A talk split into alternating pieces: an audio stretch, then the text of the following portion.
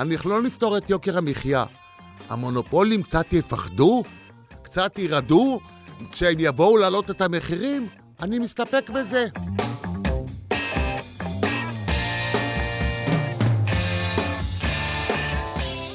ברוכים הבאים למרקרים, פודקאסט סוף השבוע של דה מרקר. ההזדמנות שלכם לקחת פסק זמן ממחזור החדשות היומיומי ולצלול איתנו לסיפורים, לאנשים ובעיקר לרעיונות מאחורי החדשות. כאן באולפן איתכם ענת ג'ורג'י וגיא רולניק. שלום ענת. שלום גיא. שמענו בפתיח את עורך הדין שחר בן מאיר ממגישי התביעה הייצוגית נגד המחיר המופרז של קוקה קולה, וזאת בעקבות פסק הדין של בית המשפט העליון השבוע. ענת, מה העניינים? בסדר, גיא, מה שלומך? מעולם לא היה טוב יותר. איך את שורדת את הקיץ? את כבר מקווה שהחופשה תיגמר והילדים יחזרו לבית הספר? יש לי ילד אחד, גיא. נראה לי שאחרי שנתיים ביחד אה, כדאי להפנים את זה. האמת ש... אבל לא רק הוא יחזור, אה, כל הילדים יחזרו, לא רק הילד שלך. אני צר עולמי כעולם נמלה, או כעולמו של המתבגר שלי. גם מסעי נסעתי כמוה, כן. אמ, והוא לא, האמת שהוא לא כל כך מפריע לי, הוא בעיקר הולך לישון מאוחר וקם מאוחר, אז אנחנו לא לגמרי מסונכרנים עם השעות. אז בינתיים זה בסדר. קנית לו כבר ילקוט חדש לשנה, או שאת משתמשת בילקוט משנה שעברה? אני לא חושבת שאומרים ילקוט, אה, אבל יש לו תיק משנה שעברה, ואני לא מתכוונת לחדש לו. לא, אני שואל על הילקוט, בגלל שכמו שאת אה, בוודאי עוקבת, אה, יש דיון בנושא התקנים המיוחדים שיש לילקוטים ישראלים כדי לחסום ולהקשות על יבוא ותחרות. קרטל של יצרני הילקוטים הישראלים, וזה הפך להיות חסם אפקטיבי למנוע אה, תחרות, ולכן הילקוטים בישראל עולים מאות אה, שקלים. אתה יכול להגיע ל-300 שקלים, 400 תיקים, גם, גם לגילאים יותר צעירים דרך אגב, מאוד מאוד יקר. טוב, נדבר על זה אולי בהמשך. אני מניח שעלות הייצור של הילקוטים האלה היא עשרות אה, שקלים בלבד, ויש שם שיעורי רווחיות מטורפים. אז בשעה שהפודקאסט הזה ישודר, כבר נדע בכמה עשיריות האחוז יחליט הבנק הפדרלי האמריקאי להעלות את הריבית. ההערכות הן שהריבית תעלה ב-0.75% עד אחוז, זאת לאחר שבחודש שעבר הבנק הפדרלי כבר העלה את הריבית ב-0.75. והסיבה היא כמובן גל אינפלציה חסר תקדים בארצות הברית ובאירופה של כמעט 10% תוך שנה. בישראל אנחנו עדיין לא במספרים האלה, האינפלציה כאן היא כמחצית, אבל כאן עליות המחירים מגיעות למדינה שסובלת מיוקר מחיה מטורף. בתחומים רבים אנחנו היקרים ביותר בעולם. נכון, וזה בעצם אה, נושא הפודקאסט שלנו היום. שוב, יוקר המחיה, איך לא? כי ישראל אה, יקרה לנו מאוד. אתה יודע, אין כמעט משהו שלא יקר או התייקר. זה מתחיל ממוצרי הצריכה המאוד מאוד בסיסיים של אה, ירקות ופירות ולחם, ומגיע עד בגדים ומכוניות, וממשיך עד מחירי הדירות. הכל מאוד מאוד מאוד יקר. אז האם תשומת הלב ליוקר המחיה בישראל התעוררה בגלל גל עליות המחירים, או בגלל הבחירות שהוכרזו בחודש שעבר?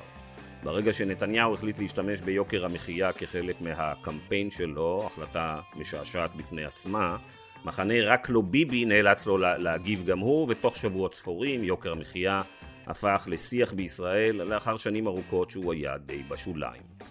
אני לא חושבת שהוא תמיד היה בשוליים, ואני חושבת שנתניהו זה נורא נחמד שהוא החליט לקחת את זה כקמפיין, אבל צריך לזכור שהוא היה פה ראש ממשלה 12 שנה, והמחירים עלו גם אז.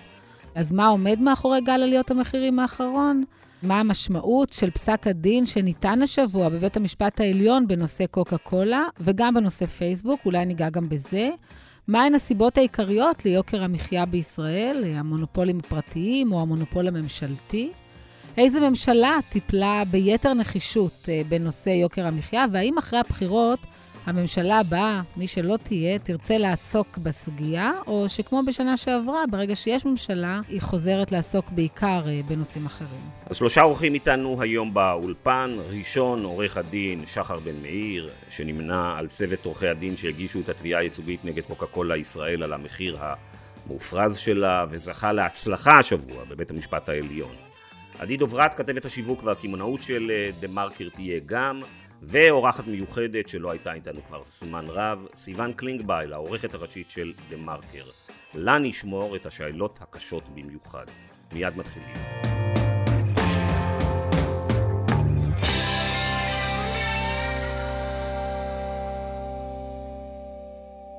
אז נתחיל איתך אה, סיוון, כמי שנאלצת לעקוב אחרי אה, כל כלי התקשורת אה, בישראל במסגרת תפקידך, ואת מסתכלת על מה שהם עושים בנוגע יוקר המחיה כבר כמעט 20 שנה, מה לדעתך קרה בקיץ 2022 שזה שוב נושא?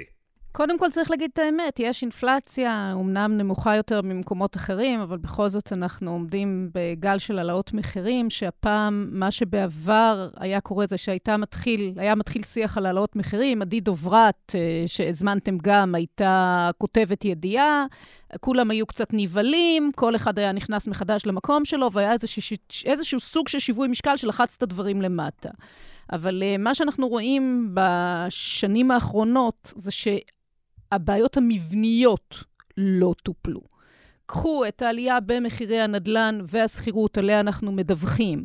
קחו את העלייה בכל התשומות בעצם הממשלתיות, מחירי האנרגיה, ותוסיפו לזה את ההתייקרויות שיש בסופר, שהפעם לא היו האיזונים והבלמים הרגילים. תוסיפו את אווירת הבחירות ואת זה שפתאום כלי תקשורת אחרים, ואנחנו שמחים בזה, באו והצטרפו, וגם גופים כמו לובי 99 עוד פעם מבינים שהדבר הזה הוא משהו שצריך לטפל בו ולטפל בו בצורה יסודית, וקיבלתם הרבה מאוד רעש תקשורתי, שאני בטוחה שגם עדי דוברת, שעוסקת בנושא הזה שנים, אה, תברך על זה שכולם הצטרפו. עדי, את מברכת על זה שכולם הצטרפו, או שזה נראה כמו איזושהי אופנה שאולי גם היא תחלוף? אני בדיוק חזרתי מטיול ברומניה, אה, ששם באמת הכל כל כך, כל כך זול ביחס למה שקורה פה, אז קשה, קשה לי קצת uh, לברך. Uh, וכן, זו לא פעם ראשונה שיש באמת איזשהו גל ככה של התרעמות ומחאה נגד יוקר המחיה, ראינו את זה כבר ב-2011 ועוד פעם, וכולם הצטרפו, ודברים כאילו השתנו, והיו ועדות, ואת טרכטנברג, וכן, ושום דבר בסוף לא, לא באמת uh, משתנה, והמחירים ממשיכים לעלות, אז תסלחו לי שאני קצת פחות אופטימית. אני רוצה לשאול אותך שאלה. הפעם הקודמת היו פנים, ש... את יודעת, שאליהם כיוונו את החיצים, בין היתר נוחי דנקנר. היום, uh, את יודעת, זה דיפלומט ושסטוביץ', זה, זה חברות שהצליחו להישאר מתחת לרדאר הרבה מאוד שנים, ובעצם לא כל כך חיברו את עליות המחירים ביחד איתם, וצריך להגיד שהן שולטות במגוון מאוד רחב של אה, מוצרים שאנחנו קונים בסופר או בסופר פארם. נכון, אה, היבואניות הבלעדיות בהחלט יש להן אה, יד וחלק ביוקר המחירים, וגם כמובן לרשות התחרות שבחרה לא להכריז עליהם כמונופולים, אבל עדיין הם מהווים חלק קטן. אוקיי, אם את מסתכלת למשל על הכוח של שופרסל, כרשת המזון הגדולה ביותר, או שיש לה גם רשת פארם והיא גם ספקית המזון הגדולה ביותר, או על, או על באמת ספקים הגדולים, על שטראוס, על אה, אוסם. רוב השחקנים היום כבר בחמישייה הפותחת של הספקים הם כבר בכלל בבעלות בינלאומית, אז בעצם החלק שלהם ב- ביוקר המחיה הוא יותר גדול. עדי, את מדברת עם uh, הרבה כל הזמן, עם רשתות, עם uh, קמעונאים, וכמובן עם אנשי uh, עסקים, גם יבואנים וגם יצרנים מקומיים. אה, ממה שאת שומעת בימים ובשבועות האחרונים, יש אצלם איזו היערכות למחאת יוקר אה, מחיה או לצעדים ממשלתיים, או שהם מניחים שזה עוד גל שיעבור? התחושה שלי זה שבעיקר הם לא מתכוונים לתת לזה להפריע להם. למשל יצא לי לדבר איתם על הכניסה הצפויה של קרפור לישראל, וכשבוע גם שמענו על ספאר ועל זה שקזינו מגיעים uh, לעשות פה בדיקה כדי לבדוק uh, היתכנות לפעול בישראל, ובעצם שאלתי אותם אם הם חושבים שזה יראה, שזה יביא לירידת מחירים, בכל זאת, רשתות חדשות, תחרות, אמורה להוביל להורדת מחירים באופן עקרוני, והם היו ממש בדעה נחרצת שלו, שהמחירים ימשיכו לעלות. הם מאוד בעצם אה, נאמנים לטענה שלהם שהמחירים חייבים לעלות, תחילה בגלל הקורונה והשינוע, ועכשיו בגלל אה, אה, אוקראינה, הם לא מתכוונים, נראה לי, לתת למשהו להזיז אותם משם, אבל שוב, זה תמיד נטוי לשינוי, כי גם בפעם הקודמת ראינו איך פגישה עם ליברמן ומנכ"ל אוסם הביאה לזה שפתאום חזרו בהם מעליות המחירים. אז בהחלט יכול להיות שזה כן ישפיע עליהם, כרגע אין להם איזושהי כוונה לעשות משהו, הם לא מתרשמים. זה עוד משהו שצריך לשים אליו לב. אנחנו שנים אומרים, תעשו תחרות, תעשו תחרות, ולדאבוני, אנשים מתייחסים לכניסה של קרפור לישראל כאילו מתרחבת התחרות. רק צריך להבין משהו מאוד מאוד בסיסי. קרפור לא מגיע לישראל. שחקן מקומי קיבל את הזיכיון להפעיל את קרפור בישראל. זה לא אותו דבר. הוא לא מחויב לרמות המחירים שהיא מציעה בארצות אחרות? צריך לשים לב מאוד מאוד יפה למילים ולמנגינות שיוצאות מאלקטרה, שמדברים על חוויית קנייה ועל כל מיני דברים כאלה. כן, קרפור יכולה להכניס תחרות לשוק הישראלי, אבל צריך לזכור שכאשר מדובר בשחקן מקומי, שכבר היה יכול להתחיל את התחרות שלו מול שופרסל קודם, למה שהוא יתחיל עכשיו? ופה הגענו בדיוק לבעיה המרכזית של השוק הישראלי, הריכוזיות שלו, שמגיעה משני כיוונים, שוק המזון הישראלי, מהכיוון של הרשתות ומהכיוון של הספקים. קרפור, או נגיד את זה אחרת, אלקטרה תוכל להתחרות יותר חזק בשוק באמצעות כושר הקנייה של קרפור. היא תוכל לנצל אותו. האם אלקטרה תנצל אותו כדי לשפר את שיעורי הרווחיות של הרשת שלה, או שהיא תשתמש בו כדי להיטיב עם הצרכן הישראלי. אה, ותרשי לי לא להיות אופטימית. אני רוצה גם להגיד כן, שהכל מתחיל ש... בסוף מנקודת המוצא. הרי למשל, אם אני הייתי עכשיו ברומניה ומשחת שיניים קולגייט עולה שם חמישה שקלים, ופה אה, בקרפור, ופה היא עולה בשופרסל עשרה שקלים. אני זורקת סתם מחירים. עכשיו ייפתח אה, בעוד כמה חודשים ישראל אה, סניף ראשון של קרפור. למה שהם גם שם ימכרו את המשחת שיניים בחמישה שקלים. זה לא יקרה, נכון? אז הם רואים שבשופרסל זה נמכר בעשרה שקלים, אז הם ימכרו בתשעה שקלים. כלומר, כל עוד השחקן הגדול ביותר, כל עוד רף המחירים ששולט ושקובע ובעצם מוביל ומכתיב את השוק הוא גבוה, אז גם מי שרוצה להיות דיסקאונט, הוא יהיה קצת יותר זול מהגבוה, אבל עדיין לא נראה פה מחירים יורדים בצורה משמעותית. גם את זה צריך לזכור פה עוד משהו. קרפור בעולם איננה משחקת במגרש המחיר. עושות את זה רשתות אחרות, אלדי, לידל, לפעמים קזינו. קרפור אינה רשת זולה. זה דבר אחד, אבל הדבר הכי חשוב... היא יותר זולה הש... משופרסל. בסדר. הדבר הכי חשוב זה השם שיצא לישראל כמדינה יקרה. ולמה זה הדבר החשוב? כי מגיעים השחקנים הבינלאומיים לישראל. האם הם באים לפה בגלל שאנחנו מדינה שממשיכה לצמוח כל הזמן, כי אנחנו עדיין עושים הרבה ילדים? האם הם באים לפה בגלל השוק המעניין והענק? לא, הם באים לפה כי אנחנו יודעים לשלם, או אם תרצו, כי אנחנו פראיירים. ואנחנו מכירים את הסיפור הזה כבר שנים מהדוחות של קימברלי קלארק, שיש לה רווחיות עודפת בישראל בתחום החיתולים.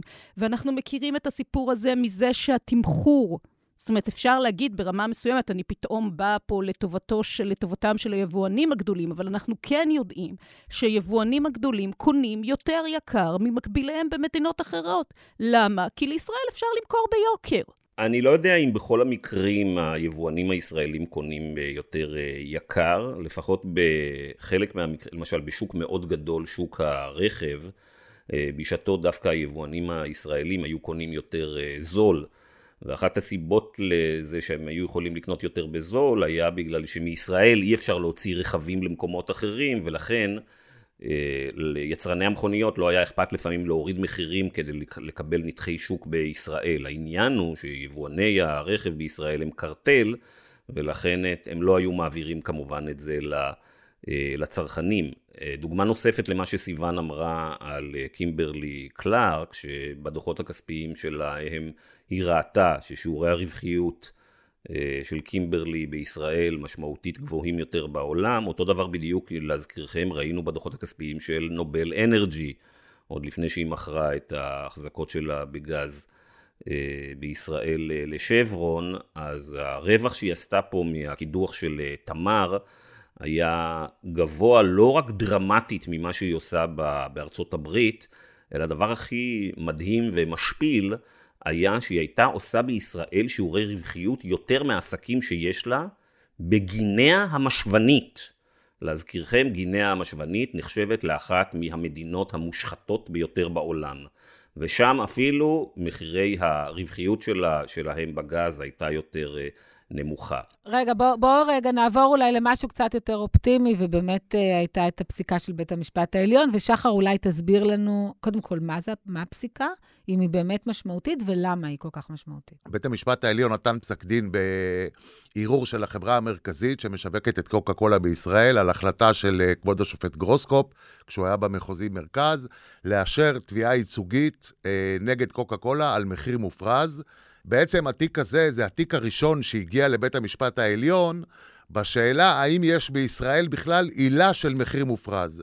מחיר מופרז הוא, הוא חלק מתוך עילה שקיימת בדיני ההגבלים העסקיים בכל העולם, של ניצול מעמד לרעה. כלומר שיש מונופול, והמונופול מנצל את המעמד שלו לרעה, זה יכול להיות בכל מיני צורות ובכל מיני דרכים.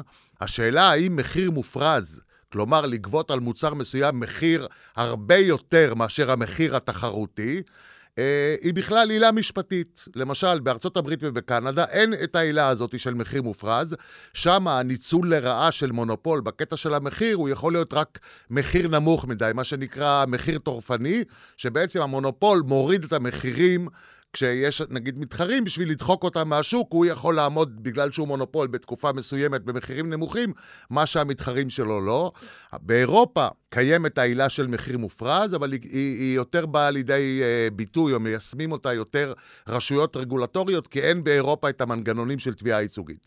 ובעצם בישראל היו מספר לא קטן של תביעות ייצוגיות שהיו בבתי משפט המחוזיים, אה, בעילה של מחיר מופרז. התביעה עוד לפני קוקה קולה, העיקרית בעניין הזה, זה תביעה נגד תנובה על המחיר מופרז של הקוטג', תביעה שאני הגשתי עוד ב-2011 בהמשך למחאה החברתית. הפסק דין שבית המשפט העליון נתן, זה בעצם הפעם הראשונה שבית המשפט הכיר בעילה הזאת, אומר, העילה הזאת קיימת בישראל בניגוד לטענות של המונופולים, כמו תנובה, כמו קוקה קולה, כמו אוסם, שטענו בבתי המשפט המחוזיים שבכלל לא צריכה להיות העילה הזאת. אז, אז, אז קודם כל בית המשפט העליון הכיר בעילה הזאת. הדבר השני, שהוא חשוב ב, ב, בפסיקה הזאת, בפסק דין הזה, זה שהוא קובע אה, אה, כללים איך ליישם את העילה הזאת. זאת אומרת, באיזה... איך אתה קובע אם המחיר הוא מופקע או לא? איך אתה קובע אם המחיר הוא מופרז או לא, בדיוק. אז, אז אה, בית המשפט קובע גם כל מיני כללים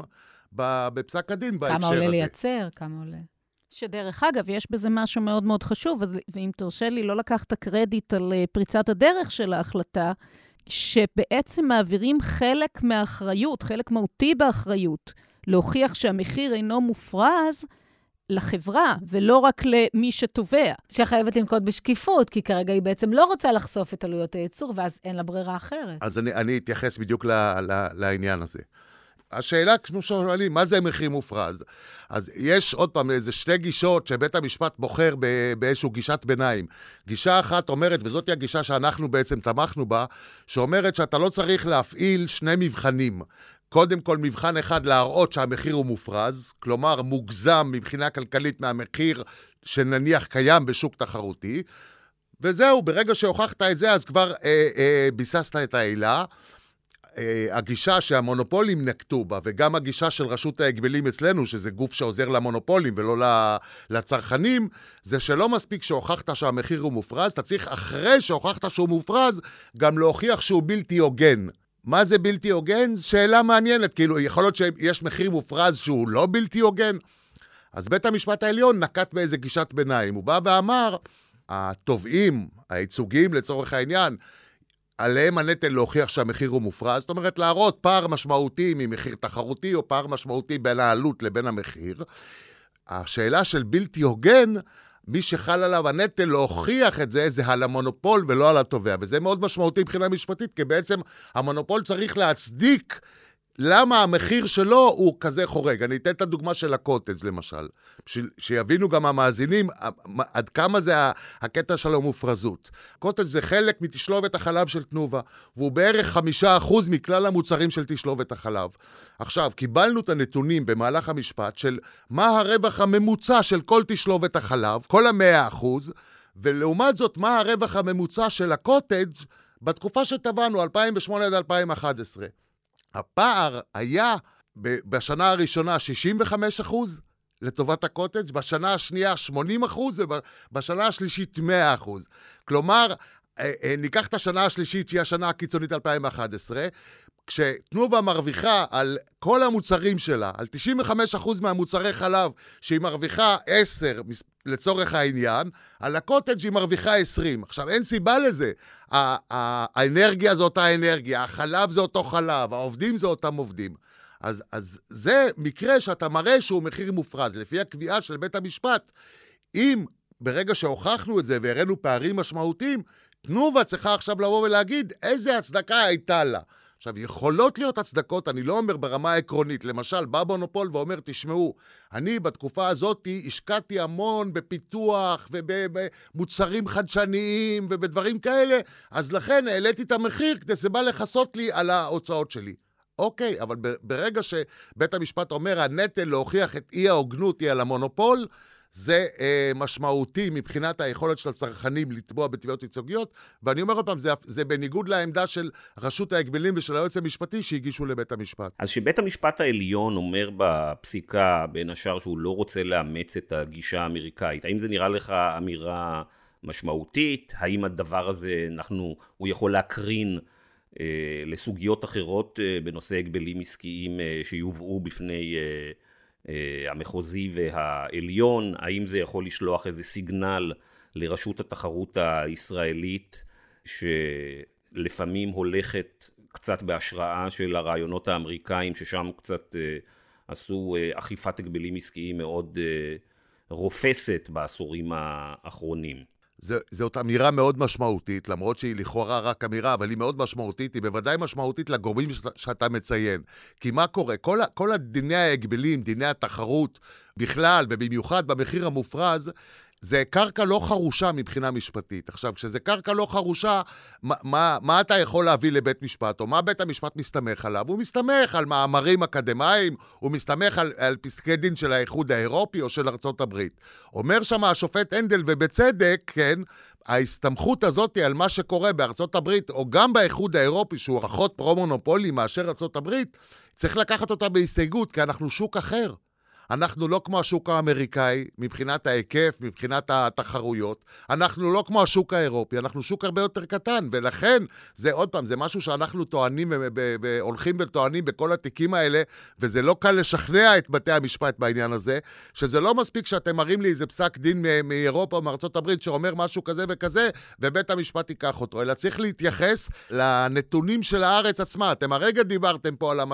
על יוקר המחיה, על הריכוזיות בשוק השוק בישראל, על זה שיש מעט מתחרים. חברות מזון, יש בישראל אולי ארבע או חמש חברות מזון, שכל אחת יש לה תחום מסוים שהיא שולטת בו כמעט ללא מצרים. אז לכן היישום של הדין הוא חייב להיות ספציפי של הארץ הזאת. אני אגיד לך יותר מזה, גיא.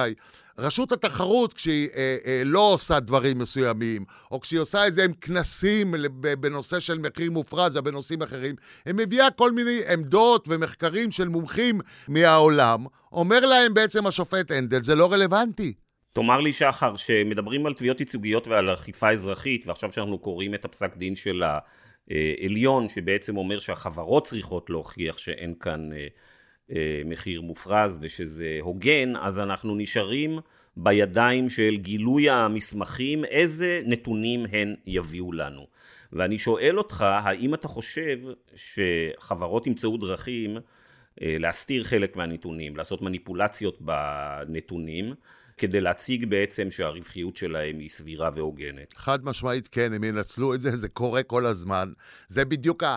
זה בדיוק הפער בין היכולת שלנו כ- כאנשים פרטיים, כתובע ייצוגי פרטי או עורכי דין פרטיים, לקבל נתונים. אני יכול לבקש מבית משפט נתונים מסוימים שהוא יגיד שהם רלוונטיים, והוא ייתן צו שהמונופול יגלה לי את זה. אני לא רשות התחרות שיכולה לקרוא לחברה ולדרוש ממנה את כל רשימת המסמכים של הנהלת חשבונות, כולל לא רק את המאזנים, את הדוחות הכספיים, כולל להיכנס לתוך הנהלת החשבונות. הבעיה שרשות התחרות בישראל, היא לא עושה שום דבר חוץ מאולי לעשות אה, תה uh, בעשר... ובמילים אחרות, שחר, מה שאתה אומר לנו, שאכיפה אזרחית זה נחמד, אבל ההישגים שלה יכולים להיות מאוד מוגבלים, ועד שלא יהיה לנו כאן פוליטיקאים שבאמת מתעניינים במה שעושה רשות התחרות, אל לנו לצפות לשינוי ביוקר המחיה בישראל.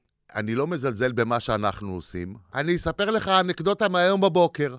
יש איזה ניוזלטר אה, של משרד ארנון תדמור, משרד שמייצג את, אחד ה, את, את חלק מהמונופולים, אחד מהמשרדים הגדולים. בואו נזכיר מיהו תדמור. הממונה על הגבלים לשעבר, נכון. עכשיו, מישהו, מישהו אצלנו בחבורה של העורכי דין, הוא מנוי על הניוזלטר שלהם. אתה יודע, משרדים גדולים יש להם ניוזלטר, הם שולחים הודעות ללקוחות. מה הניוזלטר שהם שלחו היום בבוקר? אני יכול להקריא לך.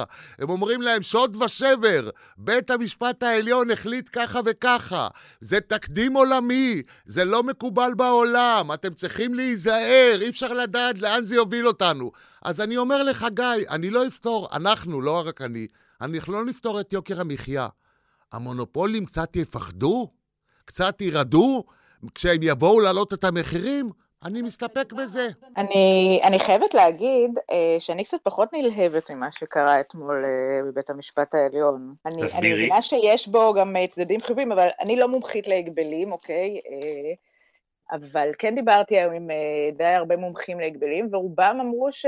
זה קצת wishful thinking לחשוב שעכשיו באמת אה, הקלו מאוד על תביעות ייצוגיות אה, נגד מונופולים בנושא של מחיר מופרז, ועכשיו כל עשרות התביעות בבתי המשפט ישתחררו. כי בעצם מה קורה? לפני כמה זמן הגשתם את התביעה הזאת? שש שנים, במחוזי, שבע שנים. במחוזי הוגשה ב-2016. אז, אז בעצם מה יקרה? עכשיו בעצם שלחו, שלחו אתכם בחזרה לבית המשפט המחוזי, נכון? כדי נכון. שיחליט האם מגיע לכם לקבל את המסמכים על הרווחיות, או לא מגיע לקבל את המסמכים של אה, קוקה קולה לגבי הרווחיות. ובנוסף, אוקיי, יש גם איזשהו, אה, אה, חוץ ממה שהם אמרו על ה, באמת הצדדים החיוביים שמקודם אה, גיא הקריא על, אה, על בית המשפט אה, אה, אמריקאי, אבל באמת היו פה, פה גם כמה דברים שמראים את אה, הלך הרוח של בית המשפט ה...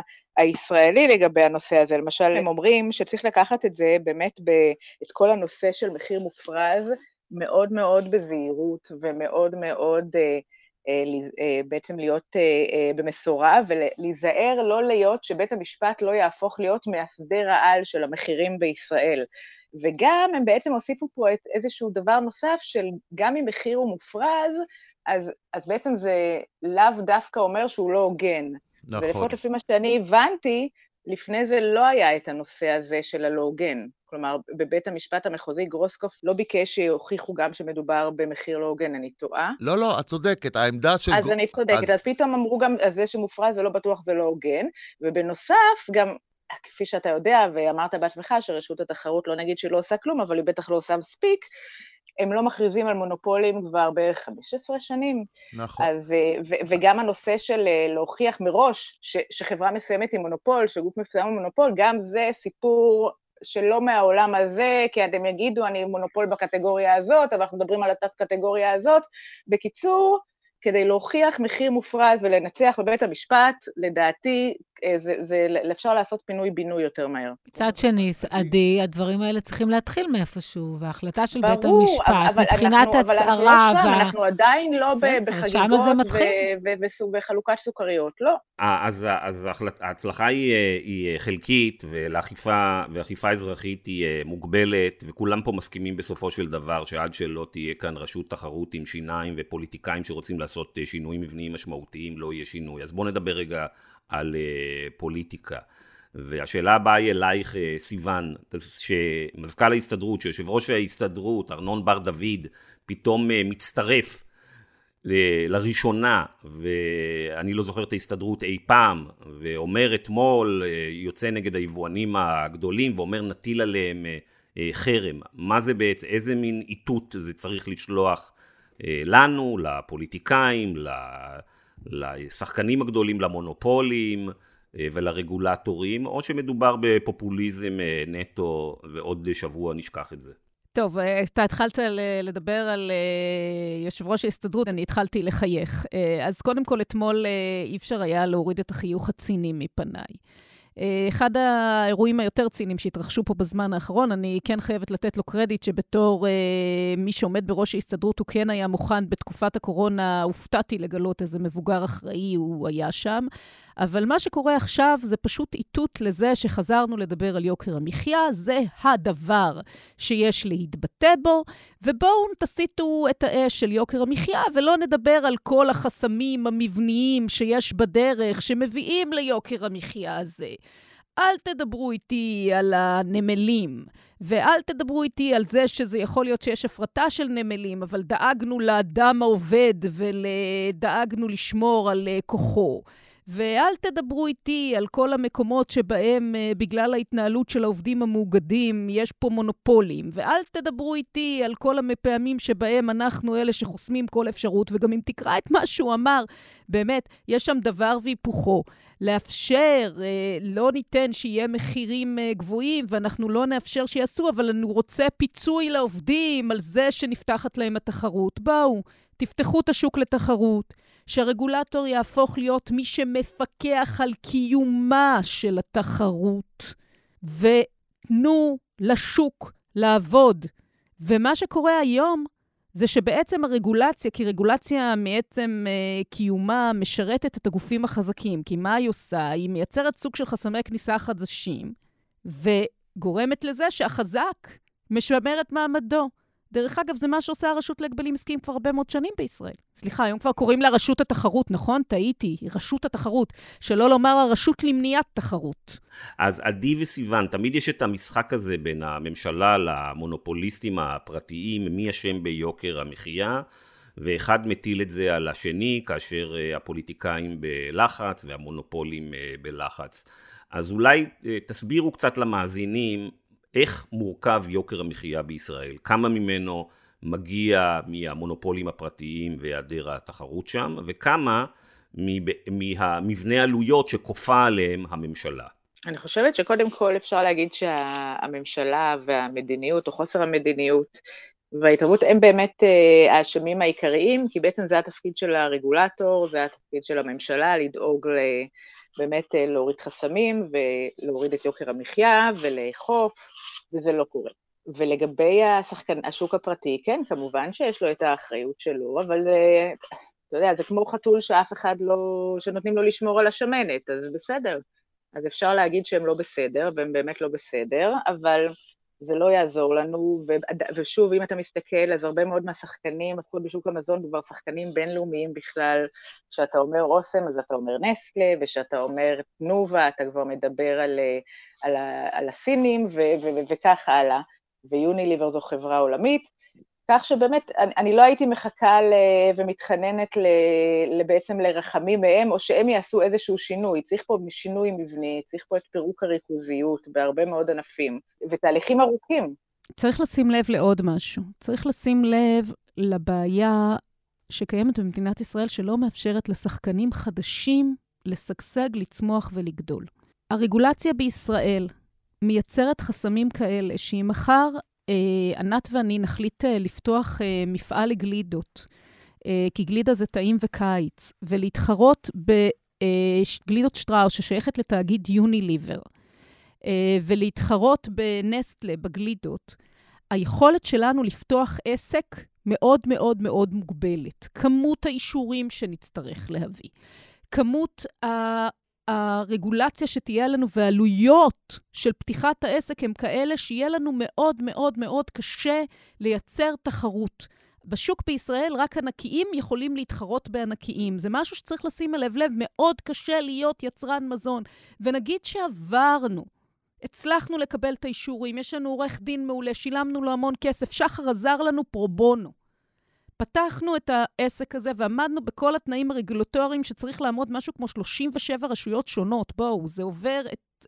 הרבה מאוד רשויות זה עובר, מהמקומית, דרך מכבי האש, דרך אה, משרד הבריאות, משרד הכלכלה, מלא מלא מלא רגולציה, עמדנו בזה. בשלב הזה בואו נראה איך אנחנו בכלל מוכרות. הקיוסקים בהסדר עם קוקה קולה ועם החברות הגדולות ומוכרים אותם בלעדי. זה מה שאנחנו קוראים השוק הקר. רשתות השיווק הגדולות מוכרות את השחקנים הגדולים. כי מהשחקנים הגדולים הם מפחדים, או שהם מוכרים מותג פרטי, אבל בואי, איך אנחנו נמכור את המותג החדש שלנו? איך נקרא לו? גלידות אביב?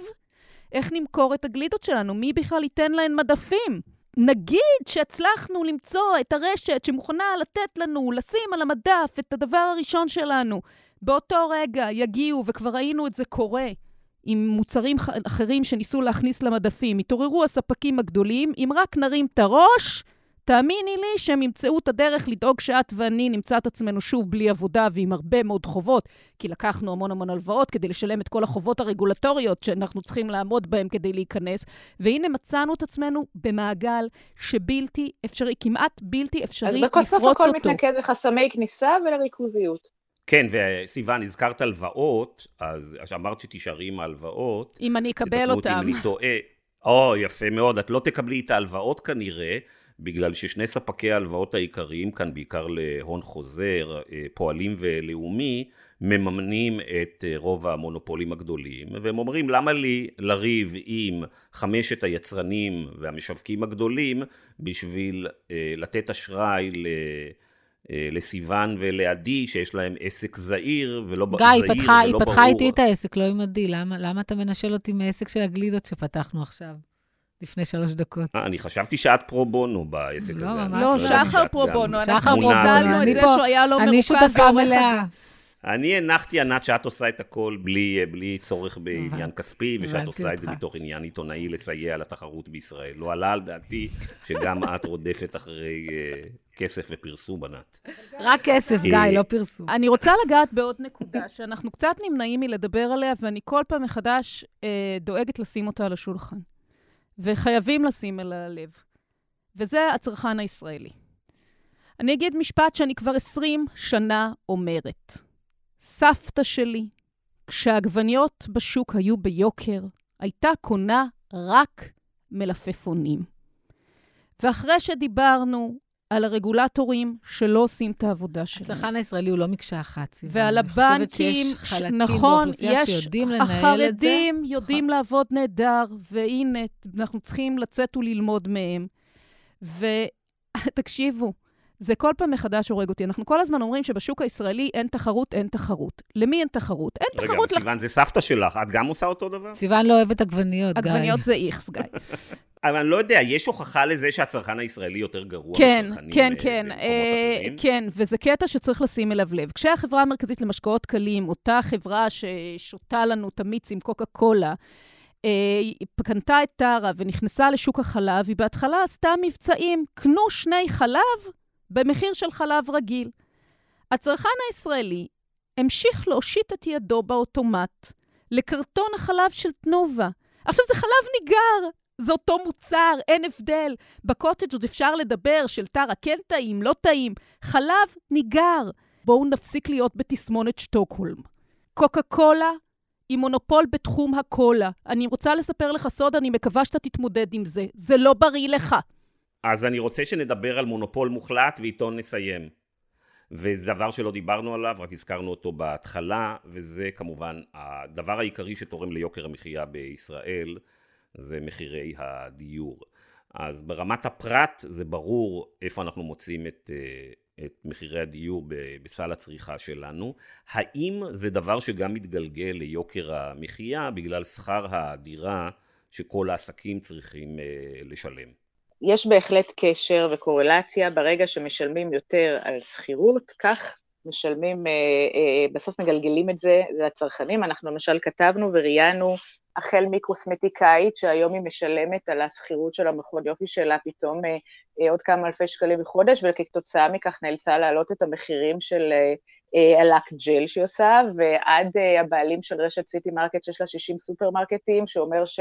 זה משפיע בעשרה אחוזים אה, על המחירים של המזון שאנשים משלמים בסופר כלפי מעלה, בגלל שהיום לוקחים ממנו יותר שכר דירה, וכך הלאה וכך הלאה. בוודאי שכאשר ההוצאות של עסקים על שכירות ועל כל דבר אחר, ושכירות זה משהו שהוא באמת בעל נפח ומהותי, אז מה הם יעשו? הם יגלגלו את זה הלאה אלינו. ובוא ניתן לך עוד דוגמה, גיא. יש שני אה, גופים שכמעט לא דיברנו עליהם בשולחן, אבל צריכים לדבר עליהם כמובן בהקשר של יוקר המחיה ובהקשר של הנרפות של רשות התחרות. מליסרון ועזריאלי. מליסרון ועזריאלי, שתי חברות בישראל ששולטות כמעט לחלוטין בשוק הקניונים, כמעט לחלוטין. הם, בגלל שהן שתי חברות ששולטות כמעט לחלוטין, עזוב תאומים ועזוב קרטל. הן מרשות לעצמם לקבוע מחירי שכירות מפה ועד הודעה חדשה. אף אחד לא יכול להתווכח איתם אם אתה רשת בגדים. מחירי השכירות אתה... בקניונים עלו באמת אה, בחמישה אחוזים בערך אתה, בתחילת נכון, השנה. אם אתה רשת בגדים, אם אתה אה, רשת לממכר מזון, אתה חייב לשלם את המחיר הזה. במדינה נורמלית, רשות התחרות הייתה לוקחת את שני הגופים האלה ומפרקת אותם לחמש חברות כל אחד. יפה, אז השאלה האחרונה היא לסיוון, בדיוק בהקשר הזה, והיא סוגרת בעצם את ה... הפודקאסט אה, שלנו, כיוון מחירי הדיור ושכר הדירה יש חלק כל כך אה, משמעותי בסל הצריכה שלנו ואולי גם במחירים של כל המוצרים והשירותים, האם יש ממשלה, האם יש הרכב של ממשלה, האם יש הרכב של קואליציה שיש לו באמת עניין להוריד משמעותית את מחירי הדיור בישראל, או בסופו של דבר כל הפוליטיקאים מהימין ועד השמאל משרתים את המאיון העליון שמחזיק בכל הנדל"ן בישראל או ברוב הנדל"ן בישראל. החלטת לדכא בסוף. אולי הוא אופטימי והוא חושב שממשלת השינוי תצליח לעשות שינוי. בוודאי, מה זה?